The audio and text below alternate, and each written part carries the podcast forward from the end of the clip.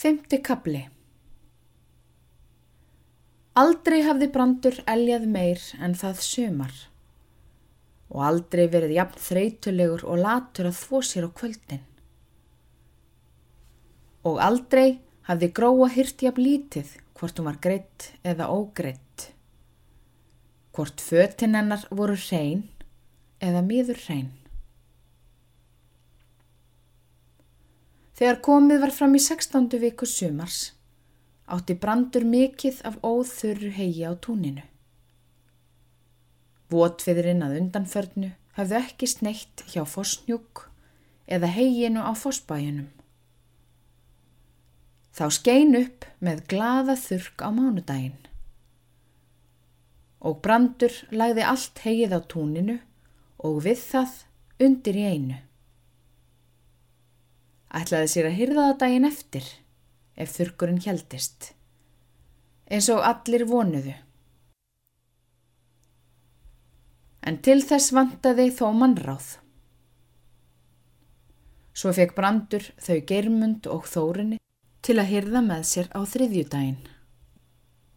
Því þeir á neðrafossi hefðu notað flæsur sem komið höfðu á miðjúkudaginn og fymtudaginn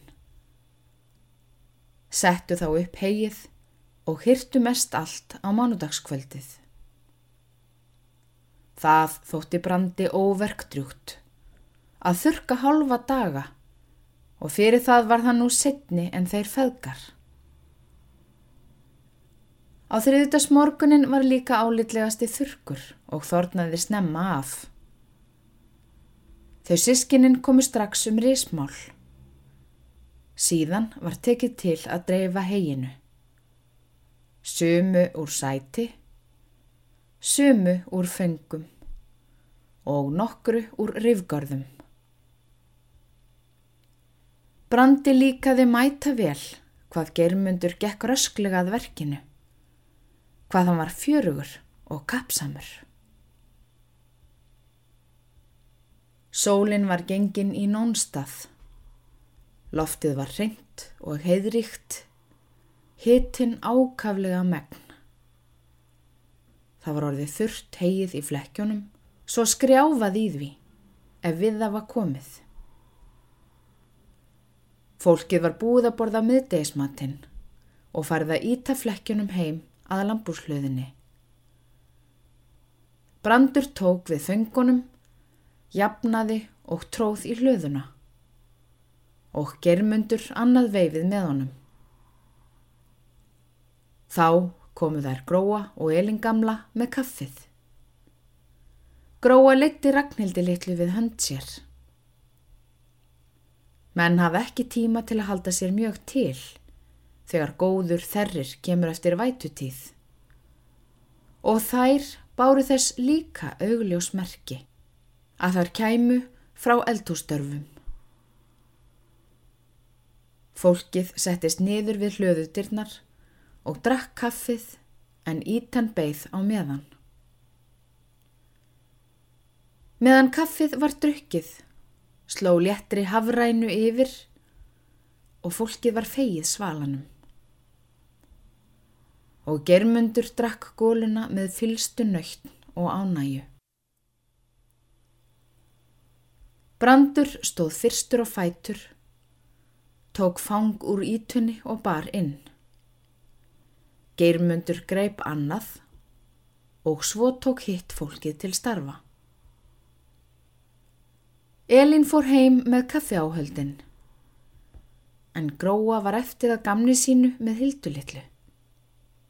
Steinn og Helgi voru að veltast við að berinn tuggur, reyna að hjálpa pappa að koma fyrir heginu sem nú var komið upp á móts við bakagatið.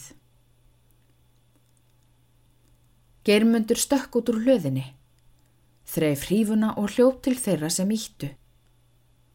En brandur stuttist við hlöðuvekkin og kastaði mæðinni. Ég fyrir yfirum í kvöld og byð pappaðinn um þig, fyrst þú ert nú loks búin að segja já, lindin mín ljúf og trú. Geirmutur klappaði á aukslina á siggu um leið og ítan stöðveðist við dyrnar. Sigga smá skríkti og hinnar vinnukonunna líka.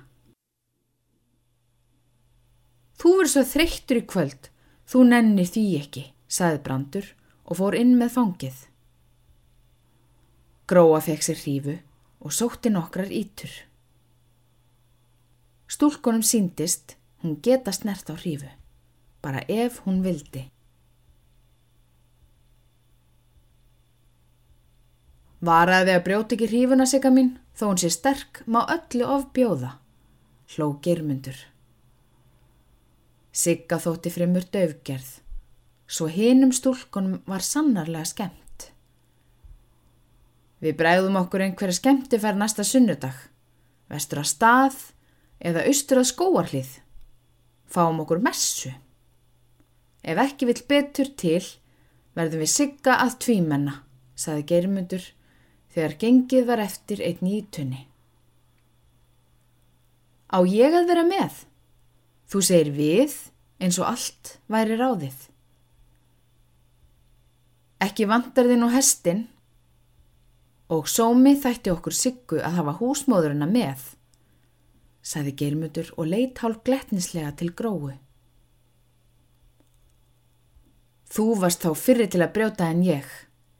Það er ekki nóg að masa á monta, saði Sigga og var ekki löst við að henni þætti betur þegar Geirmundur braut hrífuna um leið og ítan stöðvaðist við hlöðuvekkin. Nú verðum við að skilja í bráðina. Fólk kannski tekur til þess ef við brúkum sömu hrífuna, þó okkur geti sjálfum komið saman um það. Geirmutur fór að hjálpa brandi og gróa fór heim með barnið.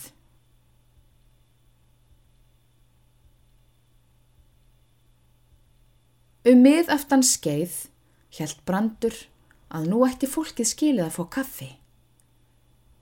Vinnu frekjan hefði verið svo áköf um daginn. Kaffið væri rétt strax til, sagði Gróa þegar hann nefndi það. Að fjórðungi stundar kallaði hún til fólksins.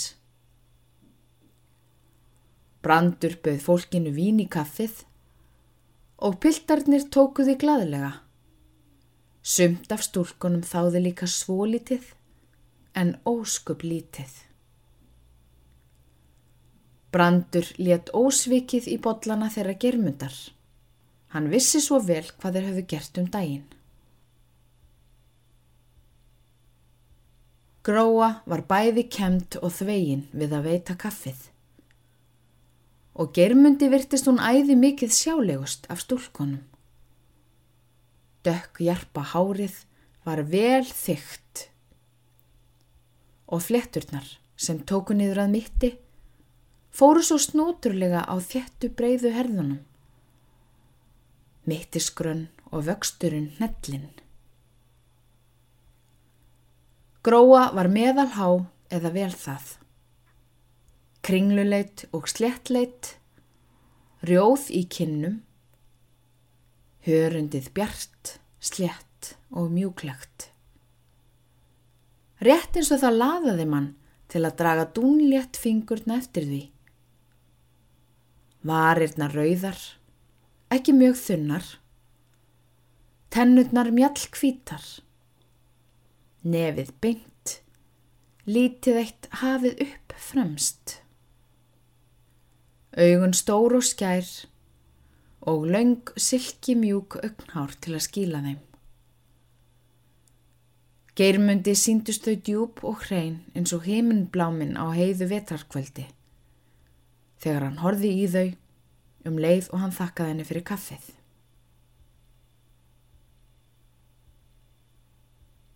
Og gróu hafði heldur ekki dölist að Geirmundur var lang vasklegastur af öllum piltónum hvað hann var skjótur og snar í reyfingum. Hvað lífið var hann um létt? Líkast við að hann setti sveibla á menn og mannlíf í dag. Um leið og hann sveiblaði vinnun áfram. Geirmundur var meðalhár en þrekinn og vöðvastaltur. Herðabreiður og miðmjór. ljósjarpur á hár og þykkarður, breyðleitur, ljóslitaður og fullur að vengum, gráeigur og fjörleg augun undir ljósu brúnunum,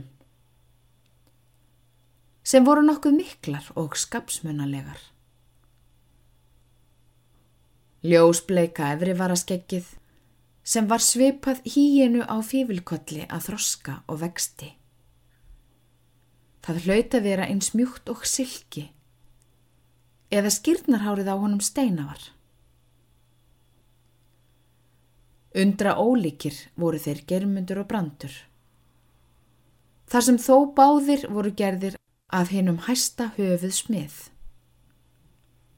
Brandur, hár og grannvaksinn lotinn og limalangur, langleitur, magur og hrukkóttur, yfirleitt stökkur og mósvartur á hár,